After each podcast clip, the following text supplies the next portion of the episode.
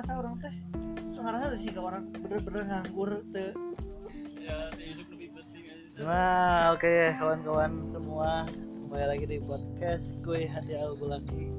Eh, kita sedang ada di Wanak Bulake, Wanak Bulake. Eh, tempatnya asik, adem dan asri banget, sejuk. Tapi di sisi lain kita sedikit apa ya, kayak tidak berguna sekali hidup ya. Akhir-akhir ini tidak berguna karena mungkin kegiatan-kegiatan kita dialihkan dengan online. Nah tambah pengangguran. Kayak buang-buang waktu ya. Betul banget. Iya rasa buang-buang waktu karena ya gimana ya walaupun walaupun kita masih bisa kegiatan ya daring sih gitu kan online. Tapi tetap aja kita yang udah kebiasaan ngejalanin aktivitas offline apalagi sering sibuk di dunia offline gitu kan. Dikasih dunia online itu ngerasa nggak ngelakuin apa-apa. Walaupun kita ngejalanin pendidikan atau ngejalanin pekerjaan gitu kan dalam bentuk online kita ngerasa itu bukan kegiatan gitu. Ah. ngerasa buang-buang waktu. Iya ngapain gitu. Ngapain? Kayak orang lain dengan umur sekian udah bisa anu nah, udah bisa ini itu. Kita gini-gini aja gitu. Nah. atau misalkan gini aja eh, kita kan online sekarang tapi ada kegiatan offline nih di antara kegiatan online ini. Kita tuh udah ngerasa mimpi-mimpi kita tuh hidup lagi. Nah, jadi emang bersosial itu sebagai manusia sangat butuh ya. Butuh banget.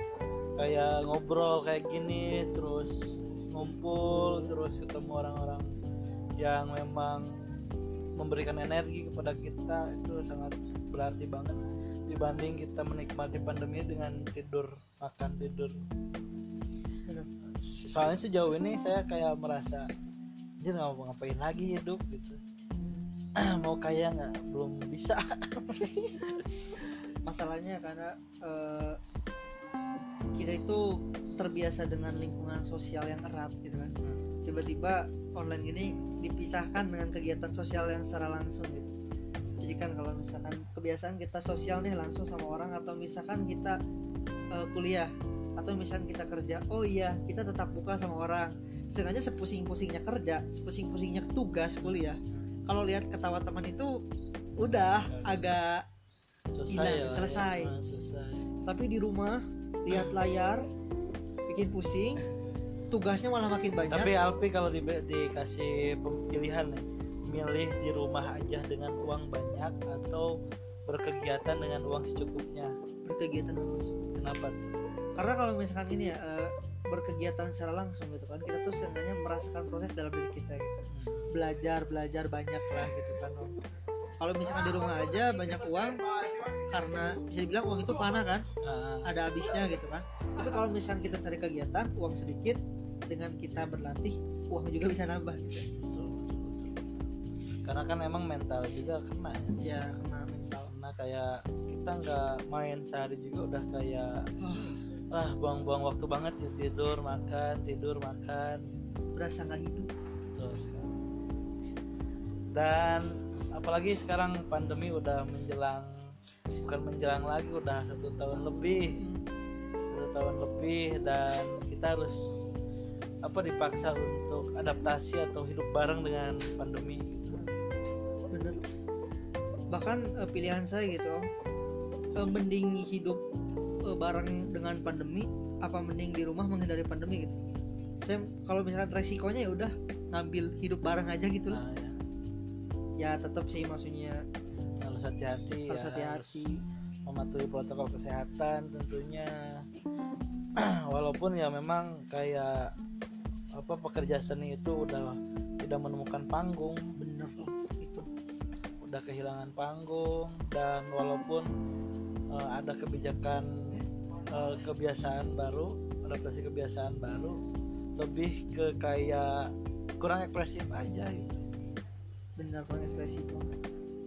Ya gitulah kawan-kawan. Kita merasa hidup selama pandemi ini tidak berguna sama sekali dan buang-buang waktu pun banyak orang yang merasakan itu karena kayak ka- kuliah sekolah jadi online event-event nggak ada gabut banget lah pokoknya. Selamat tidak berguna untuk tetap bertahan hidup kan kawan terima kasih telah mendengarkan podcast gue saya dengan Albi Mumtaz. Eh, ikuti dan terus dengarkan podcast podcast saya yang lainnya bye bye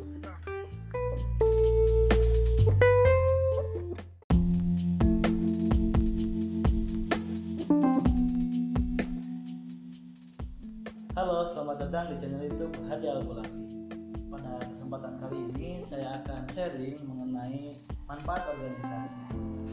Eh, belajar dari pengalaman selama mengikuti organisasi ada beberapa hal yang ingin saya sharingkan kepada teman-teman semua. Tapi maaf, ini bukan menggurui.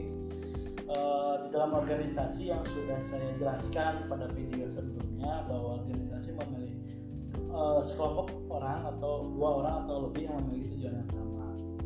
Tapi eh, yang harus teman-teman ketahui bahwa organisasi ini terbentuk dari dua bagian atau terben- ada ada dua bagian yang terbentuk eh, dari organisasi. Pertama ada organisasi formal, kedua ada orga- organisasi informal. Organisasi formal itu adalah sebuah organisasi yang disadari oleh orang-orang yang ada di dalamnya seperti contoh halnya persero kecil ataupun negara pemerintahan ataupun hal-hal yang bersangkutan dengan sekolah dan sebagainya. Itu adalah eh, organisasi formal. Terus juga ada organisasi informal. Sebalikan dari organisasi organisasi formal organisasi informal itu adalah organisasi orang-orang yang di dalamnya tidak tidak secara sadar bahwa mereka terbentuk dalam sebuah organisasi. Contoh kecilnya seperti ibu-ibu arisan di sebuah perkampungan, terus juga eh, taman-taman baca yang dibentuk oleh teman-teman, terus eh, organisasi-organisasi kemasyarakatan yang menjunjung tinggi eh, kerjasama atau gotong royong. Nah, ada unsur-unsur organisasi di dalam sebuah organisasi. Organi- unsur-unsur organisasi ini pertama terbentuk dari wadah yang jelas. Dalam artian wadah yang jelas ini memiliki tujuan, memiliki tujuan yang jelas juga. Wadah yang jelas terus memiliki tujuan yang jelas juga. Nah, orang-orang di dalamnya pun tidak sembarangan orang-orang, tidak sembarangan berkumpul, tidak sembarangan berkerumun dan mengadakan kegiatan. Orang-orang yang ada di dalam organisasi itu memiliki tupoksi atau tanggung jawab yang jelas juga ketua atau pemimpin, sekretaris, bendahara atau seksi ataupun bidang-bidang yang lain yang ada di dalam wadah tersebut. Sesuai bagaimana organisasi itu didirikan ataupun sesuai tujuan ke mana organisasi itu akan melayar terus eh, di dalam organisasi juga kita bukan bukan hanya berbicara mengenai tujuan saja. Di organisasi kita lebih eh, memiliki potensi untuk dimanfaatkan atau untuk digali nah organisasi juga menjadi wadah untuk kita atau teman-teman manfaatkan terutama di dalam organisasi ada banyak manfaat yang akan kita raih dan juga akan kita apa akan kita aplikasikan dalam kehidupan sehari-hari di kehidupan kita. Nah, ada banyak hal yang menjadi pacuan ataupun menjadi landasan ketika kita mengikuti organisasi. Pertama, eh, organisasi akan menyampaikan kita kepada tujuan yang kita harapkan. Nah, tujuan yang kita harapkan itu apa? Nah, yaitu ketika kita masuk ke organisasi itu kita memiliki tujuan nih, ingin menjadi apa? Eh, kita masuk ke organisasi politikus, kita masuk ke organisasi pengembangan sosial, kita masuk ke organisasi eh, bisnis dan lain sebagainya itu terma- tergantung dari tujuan teman-teman mengikuti organisasi itu dan organisasi itu akan menyampaikan teman-teman ke arah tujuan yang teman-teman tuju. Terus eh, kedua, organisasi dapat memperkuat mental dan mudah ketika kita eh, mendapatkan tekanan dari berbagai pihak. Jadi ketika kita punya masalah, mental kita akan akan seperti wah biasa aja. gitu. akan mudah banget menghadapi masalah karena kita telah dibentuk, telah dididik uh, di dalam sebuah organisasi. Nah, di dalam organisasi tidak akan luput dari konflik, baik itu kecil, kecil baik itu besar, karena uh, organisasi adalah uh, kelas di mana kita harus menyelesaikan konflik di dalam organisasi itu. Banyak konflik-konflik yang nanti akan timbul, banyak konflik-konflik yang akan menghadap kepada kita ketika kita terjun di dalam sebuah organisasi. Tapi ketika teman-teman sudah berhasil menyelesaikannya, teman-teman akan merasa wah eh, masalah atau konflik yang kemarin saya lalui itu adalah konflik yang biasa-biasa saja. Artinya teman-teman bisa naik kelas dan akan menemukan konflik-konflik yang lebih besar lagi.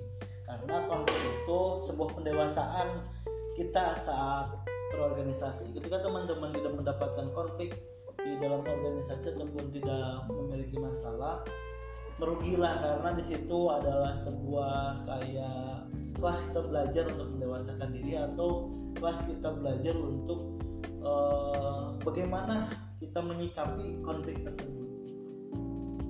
Terus uh, organisasi juga bisa mempermudah kita dalam apa menyelesaikan atau menghadapi masalah. Karena ya tadi kita sudah dibentuk sudah mengetahui banyak hal tentang masalah-masalah yang ada di organisasi sehingga mental kita kuat eh, apa hal apa pun yang kita hadapi kita berani menghadapinya. Terus eh, di organisasi itu menimbulkan semangat gotong royong. Itu juga jelas karena organisasi itu memiliki tujuan yang sama. Ketika kita memiliki tujuan yang sama kita akan melahirkan atau kita akan diasah untuk memiliki semangat dan niat kerjasama semangat gotong royong semangat e, saling membantu berjibaku dan saling menolong teman-teman yang ada di dalam organisasi tersebut. Itu akan membentuk kita menjadi orang yang memiliki etos kerja kerjasama. Jadi ketika kita turun ke lapangan ketika kita turun di lingkungan masyarakat kita tidak memiliki sifat egois atau individualisme. Kita lebih e, menjunjung tinggi atau mengedepankan sikap kerjasama dan gotong royong. Sehingga berbagai masalah yang akan menghadapi teman-teman semua nanti di masyarakat ataupun di organisasi itu akan bisa diselesaikan bersama. Karena tidak ada masalah yang tidak bisa diselesaikan diselesaikan kalau tidak bersama-sama. Terus uh, di organisasi juga kita dilatih untuk mengembangkan gaya bicara karakter bicara tentunya public speaking lah ya. Nah uh, di organisasi itu di, kita dibentuk untuk bagaimana bisa menuturkan sebuah kata-kata dengan terstruktur. Bagaimana kita bisa beropini bisa menyampaikan gagasan bisa menyampaikan pendapat dengan diterima oleh orang-orang yang mendengarkan kita. Nah organisasi membentuk itu membentuk kita bagaimana bisa berkomunikasi dengan baik dengan lingkungan kita. Melatih kosakata kita eh, membeberkan apa pun yang ingin kita sampaikan dengan baik dengan komunikatif dan dengan sopan kepada eh, lingkungan yang ada di sekitar kita. Sehingga manfaat yang bisa teman-teman petik dari berorganisasi adalah salah satunya itu public speaking. Ketika teman-teman memiliki usaha teman-teman menjadi seorang pemimpin teman-teman menjadi tokoh agama dan lain sebagainya ketika di organisasi teman-teman akan terbiasa berbicara di depan masyarakat ataupun di depan anggota lah secara secara circle kecilnya eh, teman-teman bisa dilatih dalam menyampaikan sebuah gagasan dan ide. Dan dengan hal itu akan menambah apa gaya karakter terus uh, kepercayaan seseorang terhadap kita. Terus uh, di organisasi juga sudah jelas bahwa organisasi adalah orang-orang yang terpilih di dalam organisasi adalah orang-orang yang terpilih. Sudah jelas bahwa organisasi akan membentuk kita akan mendidik kita memiliki jiwa kepemimpinan. Memiliki jiwa pemimpin yang begitu kental yang apa secara teori baik itu secara teori baik itu secara eh, pengalaman senior senior kita yang ada di dalam organisasi itu. Nah makanya di organisasi itu eh, kita dibentuk menjadi seorang pemimpin. Banyak orang yang mengatakan bahwa tidak semua akan bisa menjadi ketua ataupun pemimpin. Itu salah karena semua manusia di muka bumi ini adalah seorang pemimpin yang apa yang nanti kelak akan memimpin dirinya sendiri. Secara secara sederhananya orang itu akan memimpin dirinya memimpin bagaimana dia berpikir memimpin bagaimana hatinya bergejolak memimpin tangan dan kakinya dan lain sebagainya. Dan organisasi akan membentuk karakter itu membentuk kepemimpinan jiwa pemimpin yang tidak banyak orang miliki dan tidak banyak orang yang apa secara gratis mendapatkan ilmu kepemimpinan, kepemimpinan itu kecuali memang masuk di dalam sebuah organisasi. Karena organisasi itu adalah kelas eh, kepemimpinan atau belajar men- menjadi pemimpin yang sangat eh, baik terus eh, organisasi juga bisa membentuk kita atau bisa memberikan kita komunikasi dengan baik kepada siapa pun. Jadi eh, di dalam organisasi kita bisa mengetahui karakter, mengetahui karakter seseorang, mengetahui karakter ketua kita, mengetahui karakter lingkungan kita dan kita bisa menyampaikan komunikasi dengan baik. Nah, ketika kita masuk ke organisasi, kita akan dipertemukan dengan berbagai macam sikap, berbagai macam karakter, berbagai macam latar belakang. Tentunya itu akan menjadi uh, ujian atau akan menjadi hal-hal yang harus kita dewasakan gitu.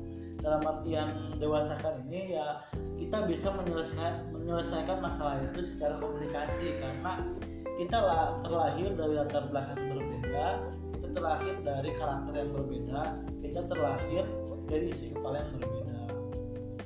Nah, terus eh, di organisasi juga akan memperluas wawasan teman-teman semua. Nah, wawasan ini bisa dikatakan seperti salah satunya public speaking tadi yang memang eh, bisa menghasilkan banyak ilmu dari berbagai macam lingkungan. Nah, menghasilkan wawasan ketika kita haus dengan ilmu, organisasi akan menghasilkan kita ilmu ketika kita uh, ingin menguasai sesuatu. Nah, organisasi akan membentuk kita menjadi orang yang berwawasan luas. Karena di organisasi banyak belajar tentang berbagai hal, baik itu uh, di organisasi kita dituntut untuk bisa membaca contoh kecilnya, untuk rajin membaca, untuk uh, memiliki bacaan, atau kita bisa membaca ruang, kita bisa membaca situasi, kita bisa membaca segala kekurangan yang ada di dalam tubuh kita, ada ya segala kekurangan kekurangan yang ada di dalam diri kita dan segala kekurangan yang ada di organisasi kita. Terus eh, organisasi juga akan membentuk jati diri seseorang. Jati diri seseorang itu dalam artian orang kita akan mengetahui orang yang ada di dalam organisasi kita melalui prosesnya dia. gitu. Masih.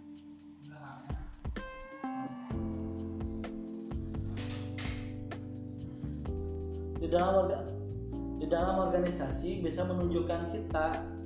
Jadi di dalam organisasi bisa menunjukkan jati diri kita eh, dalam di dalam organisasi bisa menunjukkan jati diri kita dalam mengetahui teman-teman sebaya yang ada di dalam organisasi kita. Jadi kita akan tahu karakter teman-teman kita akan tahu karakter kita ketika kita sudah berproses dalam sebuah organisasi itu. Terus eh, organisasi juga akan membentuk rasa tanggung jawab yang tinggi.